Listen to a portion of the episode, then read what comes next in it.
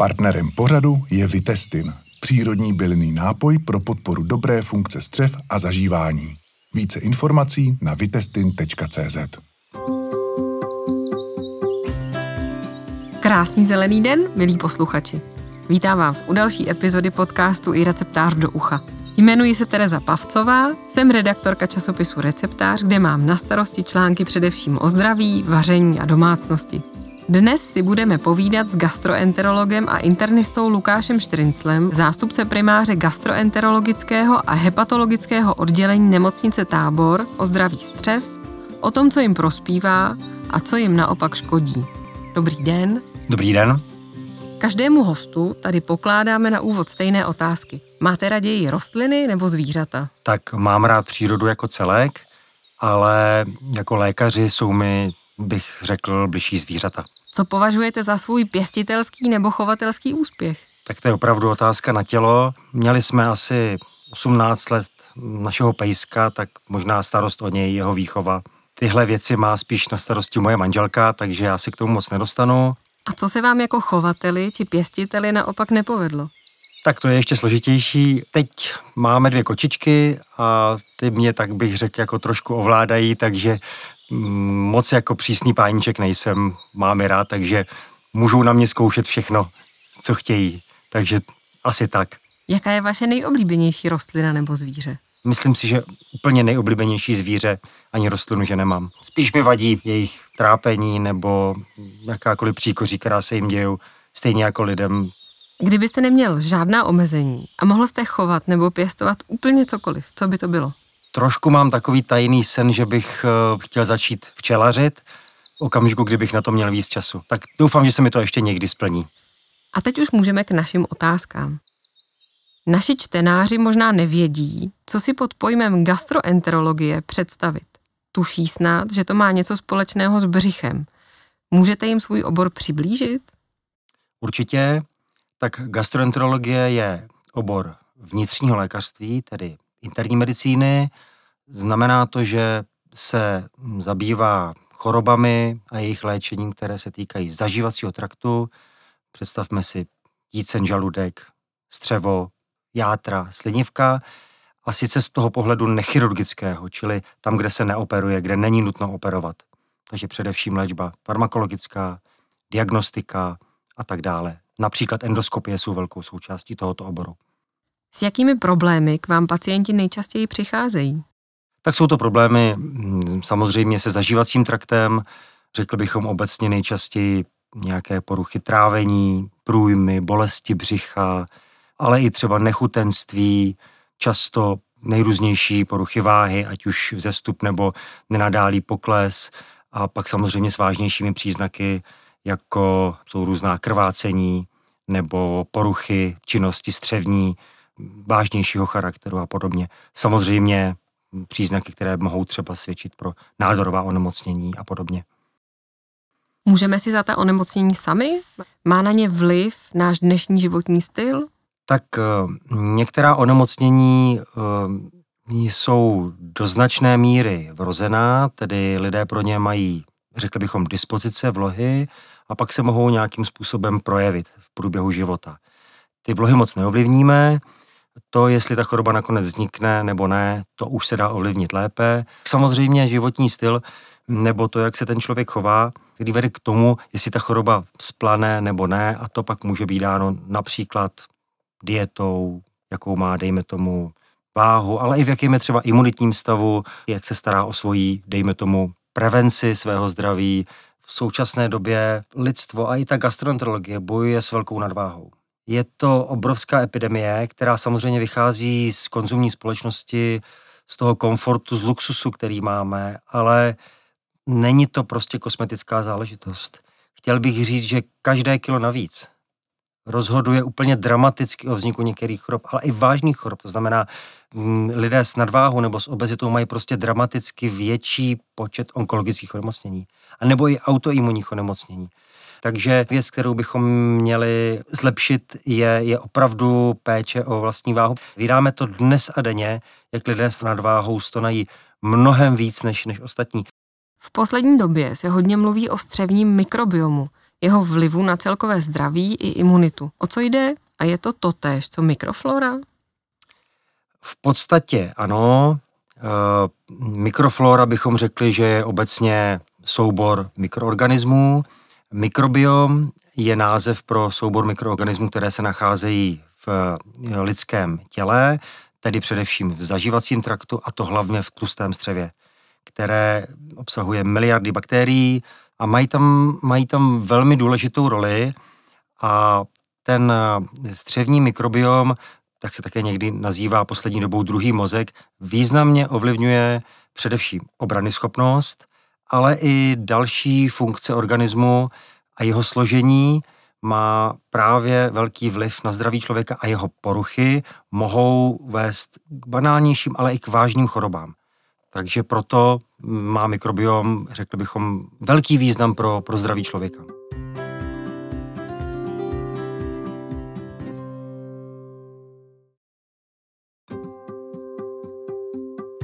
Je možné mikrobiom nějakým odborným způsobem léčit? Mikrobiom je dokonce tak důležitý, že jeho poruchy se někdy léčí právě takzvanou fekální transplantací, což je vlastně přenos, řekli bychom, střevního obsahu z člověka na člověka. Existují banky, to znamená zdroje těch fekálních transplantátů, který můžeme tomu nemocnému do toho těla vpravit různým způsobem, nejčastěji právě endoskopicky, do tlustého střeva nebo do tenkého. A lidé, u kterých je porucha toho mikrobiomu jednou z hlavních příčin eh, té choroby, z toho velmi eh, prospívají, velmi těží a mohou se tím i uzdravit. A dnes se používá ta fekální transplantace nejenom u těžkých chorob, například těžkých střevních zánětů, které vznikají právě změnou toho bakteriálního osídlení střeva, ale i u funkčních chorob, to znamená, změna toho mikrobiomu vede k poruše funkce střev. Na tom člověku vlastně nic nenajdeme, i kdybychom rozřezali na kousíčky, tak je vlastně zdravý v úvozovkách, ale přesto má funkční potíže, má zažívací potíže, kterými k tomu lékaři přichází. A pokud osvědčené metody, které ten mikrobiom mohou vyléčit, zlepšit, znormalizovat, nezaberou, může se použít i fekální transplantace, ano. Jak jinak tedy můžeme uh, sami podpořit zdraví mikrobiomu a střev celkově? Eh, řekli bychom obecně, že ten mikrobiom se udržuje sám. Zdravý člověk má zdravý mikrobiom. Pro každého jedince je tento složení bakterií specifické, to znamená, mm, vy ho máte jiný než já a je to spektrum bakterií podobné v rodinách, protože je to dáno taky geneticky. Čili v podstatě řekli bychom zdravou stravou, zdravým životním stylem vlastně pečujeme o, i o zdravý mikrobiom. Jsou nějaké konkrétní potraviny, které mikrobiomu prospívají? Určitě. Mluví se o vláknině, která je důležitá právě pro zdravý mikrobiom a je to proto, protože ta vláknina, takzvaná hrubá vláknina, kterou tenké střevo neumí střebat, jenom ji rozmělní, dostane se do tlustého střeva a je potravou pro ty zdravé bakterie. Ty z toho žijí a to znamená zelenina, ovoce, ovesné vločky podporují zdravé střevo a tím vlastně i celkové zdraví. Co tedy prospívá kromě jídelníčku? Tak prospívá mu eh, péče o celkové zdraví, čili ten člověk by měl jíst pravidelně v nějakém pravidelném rytmu, který je mu specifický, neznamená to, že musí dvakrát nebo třikrát nebo pětkrát. Každý to má jinak, ale prostě pravidelně jíst. Uh, ta strava by měla být teda pestrá, s dostatkem vitamínů, právě obsahem vlákniny a kromě toho samozřejmě udržovat se v dobré kondici. Velmi důležitá je přiměřená tělesná hmotnost, dostatek spánku, umění třeba odpočívat, vyhýbat se nadměrnému stresu a umět si i užívat ten život, protože psychická pohoda má obrovský vliv na, na, na stav imunity a poruchy imunity se často projeví onemocněním střev. Fungují například doplňky stravy, probiotika nebo dnes tolik probíraný půst? Myslím, že na doplňkách eh, stravy není nic špatného, že by nám to zdraví úplně zachránili sami, samozřejmě to říct nelze. Zásadní jsou věci, tak jak jsme o nich mluvili, to znamená zdravá životospráva, ale obecně občasné užívání probiotik eh, rozhodně není na škodu. Zdravý člověk probiotika v podstatě nepotřebuje, protože jeho bakterie se množí sami. Něco jiného je pacient, který se nějakým způsobem léčí v rekonvalescenci nebo má nějakou chorobu, ale jejich občasné užívání mm, ať už formou nějakého preparátu, nebo třeba tím, že konzumuje větší množství potravin s živými kulturami, určitě není na škodu, mm, doporučuji. A půst, jestli máme na mysli půst redukci kalorií, tak nevím, jestli to je úplně dobré na zdraví člověka. Může být prospěšný po nějakou dobu, dejme tomu 24 hodin, to se asi nic nestane, když není následován nějakým velkými pak glukulskými hody. Takže ano, nemělo by se to určitě přehánět, všechno by mělo být a vedeno s mírou, jako, jako v celém životě. Partnerem této epizody je Vitestin, přírodní bylný nápoj, který harmonizuje sliznici jícnu, žaludku, tenkého i tlustého střeva a pomáhá jim v návratu do přirozeného a funkčního stavu. Více informací na vitestin.cz Už jsme to trochu nakousli, ale čím střevům nebo celé trávicí soustavě naopak škodíme? Ano, určitě to je nadměrným mm, užíváním a teď si můžeme říct čehokoliv. Pokud se týče potravin, tak samozřejmě nevyrovnanou stravou, velké množství cukru nebo tuku, větší množství alkoholu, eh, vůbec bych nedoporučoval nikotinismus. A co se týče střev jako takových, tak tam samozřejmě jedna, kromě absence vlákniny, jsou to potom samozřejmě různé léky, které ho můžou poškozovat od eh, dejme tomu, preventivních užívání antibiotik, které mohou s mikrobiomem opravdu zamávat, až potřeba nadměrné užívání léků na bolest některých. Můžeme své trávení podpořit například bylinnými přípravky? Tak určitě, protože byliny obecně, pokud obsahují celulózu, to znamená to vlastní tělo té rostliny, tak jsou vlastně součástí té hrubé vlákniny. Tenké střevo, lidské střevo to bere jako odpad v úvozovkách, který propustí právě do střeva tlustého a tam se na něm množí ty, ty dáme už zmiňované, už zmiňované bakterie. Takže obecně bychom řekli, že ano, uh, bylinné produkty, těch bychom řekli, že není nikdy dost samozřejmě, pokud se to s nimi nepřehání. Uh, jestli fungují nějaké speciální rostliny, myslím, že tam je to hodně individuální, je třeba to vyzkoušet, co komu vyhovuje. Každý jsme nějaký a každý může mít opravdu nějaké návyky, které mu vyhovují. Zase naopak moc bych nedoporučoval slepě následovat nějaká doporučení.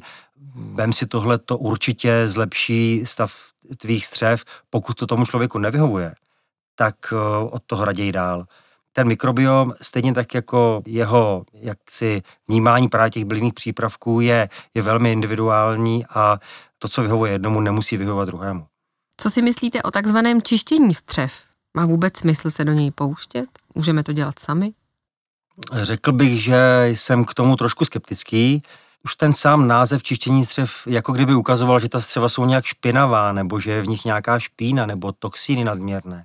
Ano, je tam spousta toxínů, ale jsou to většinou toxíny, které jsou nějakým způsobem v úvozovkách pro to tělo prospěšné, protože například bakterie vylučují toxíny, které brání růstu jiných bakterií, které jsou škodlivé. Čili představa, že vyčištěním střev se zbavím nadměrných toxínů a bude mi dobře, bych řekl, že je lichá. Zdravému člověku, který nemá problémy se zažíváním, zvlášť s vyprazňováním nebo s funkcí tlustého střeva, bych žádné čištění střev nedoporučoval. Naopak, tím čištěním si člověk může způsobit opravdu změnu právě toho střevního obsahu a ne vždycky se to dobře dává zpátky dohromady.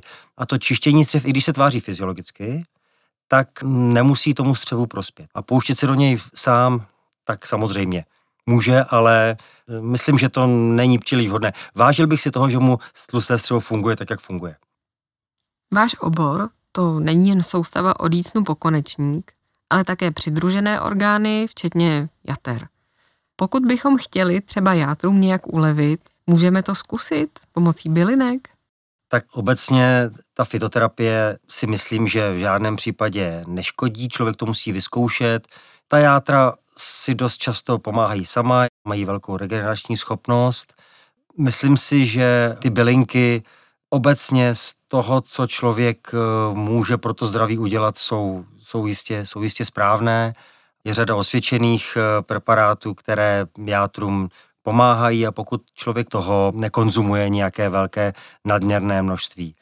Navíc, eh, jak jsme říkali, ty bylinky mají dobrý vliv i na ten střevní obsah, i na tu mikrofloru, takže bychom řekli, že se zabijou, zabíjí dvě mouchy jednou ranou. Speciální preparáty, které přímo játra nějak vyléčí, samozřejmě na trhu nejsou.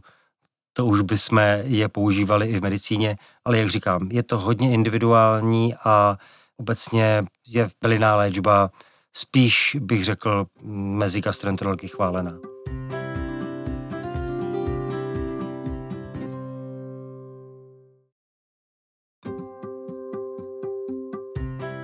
Pro řadu lidí je velkým strašákem endoskopické vyšetření. Ať jde o gastroskopické sondy nebo kolonoskopy, pomůžete jim nějak zmenšit obavy? Tak samozřejmě, od toho jsme tam. Zdravotníci, myslím, že jejich jednou z hlavních rolí, a teď nejde jenom o endoskopie, ale no, řekl bych o všechny procedury, tak je nějakým způsobem snižovat ten nepoměr, který vzniká, jakmile ten člověk do toho zdravotnického, jako pacient, do toho zdravotnického zařízení vstoupí. Protože on už přijde a už má strach, co se kde bude dít, co ho bude bolet, kdo mu bude ubližovat, jestli je tam správně, jestli náhodou není opravdu vážně nemocen, má samozřejmě strach. A myslím, že správný zdravotník uh, dokáže ten strach do značné míry jako zmenšit, uh, vykompenzovat svým přístupem, empatií, prostě od toho tam zdravotníci jsou a k jejich profesionalitě by měl patřit to, že se usmívají, že jsou na pacienti milí a to je ten přístup, který by měl mít. Kdo nemá rád lidi, do zdravotnictví nemá chodit. Endoskopická vyšetření jsou samozřejmě nepříjemná, určitý diskomfort tam je, ale máme k dispozici léky, různé premedikace, které mohou ten diskomfort, ten nepříjemný pocit zmenšit od jednoduchého promluvení s tím pacientem často přes léky až po třeba například některé výkony složité se dějí v celkové anestezii, takže to spektrum je široké. A e, je třeba tomu pacientu vysvětlit, že to endoskopické vyšetření má pro ně vel, velký přínos, to znamená někdy opravdu nenahraditelné. Není jiné, jiná možnost, jak na, tu, jak, jak na danou chorobu přijít a dělat s ním prostě, vytvořit takový tým, by ten člověk s tím byl srozuměn a pak v úvozovkách mohu říct, že, že, že je ochoten postoupit vlastně cokoliv, když je jasné, že to bude prospívat nebo když to bude sloužit jeho zdraví. V táborské nemocnici, kde pracujete, teď máte nový skiaskop. Co to vlastně je? Je to eh, specializovaný rengen, vlastně radiologické rengenové zařízení, takzvaná skiaskopická stěna, která dokáže v daném okamžiku rengenovým paprsky sledovat, co se děje v našem případě v dutině břišní, ale i hrudní. Ten skiaskop eh, funguje na celý organismus. Je to důležité proto, že endoskopy, s kterými pracujeme, čili nástroje, a instrumentária jsou rengen kontrastní. Můžeme vidět, kde se v té dutině břišní pohybujeme, pomáháme si třeba i mlátkou, čili radiologickým kontrastem a tím pádem můžeme diagnostikovat nebo i léčit zažívací orgány mnohem přesněji. Ten nový skiaskop náš eh, je eh, výborný v tom, že to je poslední generace tohoto přístroje, takže je velmi přesný. My jsme samozřejmě předtím už skiaskop měli, to nejsou nové metody, ale v táboře ještě to vylepšení dané tím, že od nynějška máme ten nový skiap v rámci našeho endoskopického traktu, to znamená, je vlastně součástí našeho endoskopického vyšetření, máme k němu blízko a používáme ho nyní mnohem častěji. Tato vyšetření pomáhají odhalovat velmi vážná onemocnění. O některých už jste ostatně mluvil. Eh, o čem byste třeba před 20 lety vůbec nevěděli a dnes si s tím i díky diagnostice dovedete poradit? Eh, samozřejmě, že bohužel velkou částí naší práce je odhalování onkologických onemocnění, takže například eh, pomocí těch radiologicky navigovaných metod můžeme diagnostikovat a i léčit nádory, především pokud mluvíme o něčem, co třeba udělalo za 20 let velký pokrok, tak je to diagnostika nádoru, například slinivky břišní. Pro detekci kterého onemocnění je například kolonoskopie důležitá? Vemte si, že tlusté střevo je jeden z mála orgánů, kde můžeme vzniku té rakoviny úplně předcházet. No tam vůbec nevznikne, protože my při té koloskopii odstradíme předzhoubná stádia té rakoviny, takzvané adenomy, čili nezhoubné nádory. A tím, že je odstraníme, tak k tomu nádoru vůbec nedojde. Navíc ten pacient, pokud už tam jednou ten nezhoubný nádor měl, tak je pravidelně koloskopicky kontrolován. Prostě té rakoviny se uchrání.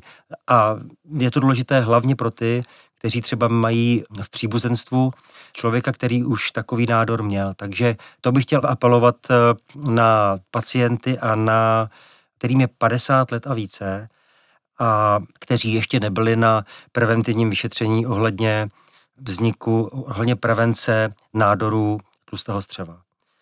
je relativně šetrné, řekl bych velmi dobře snášené a ten jeho přínos je obrovský na lidi, kteří tam ještě nebyli. Nebojte se koloskopie. Ten přínos je obrovský a nedá se vlastně s ničím gastroenterologii v současné době srovnat. Platí to stejně pro muže i ženy?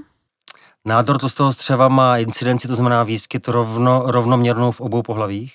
Už víme v současné době, že zavedením tohoto preventivního programu v České republice došlo k výraznému snížení výskytu tohoto typu nádoru. Ten eh, přínos je právě dán tím, že člověk překoná ten strach, na to vyšetření jde a, a drtivá většina pacientů jdou od nás koloskopy řekl, no, teď to vlastně nic nebylo. Jo, říkali, jak to je hrozný, ale já na to přijdu příště znova. Čili to bych řekl, že je přesně takhle z praxe. A to je pro dnešek vše, milí posluchači. Teď už víte, jaký je rozdíl mezi mikrobiomem a mikroflorou, proč je důležité starat se o svá střeva a jak poznat, že s nimi něco není v pořádku.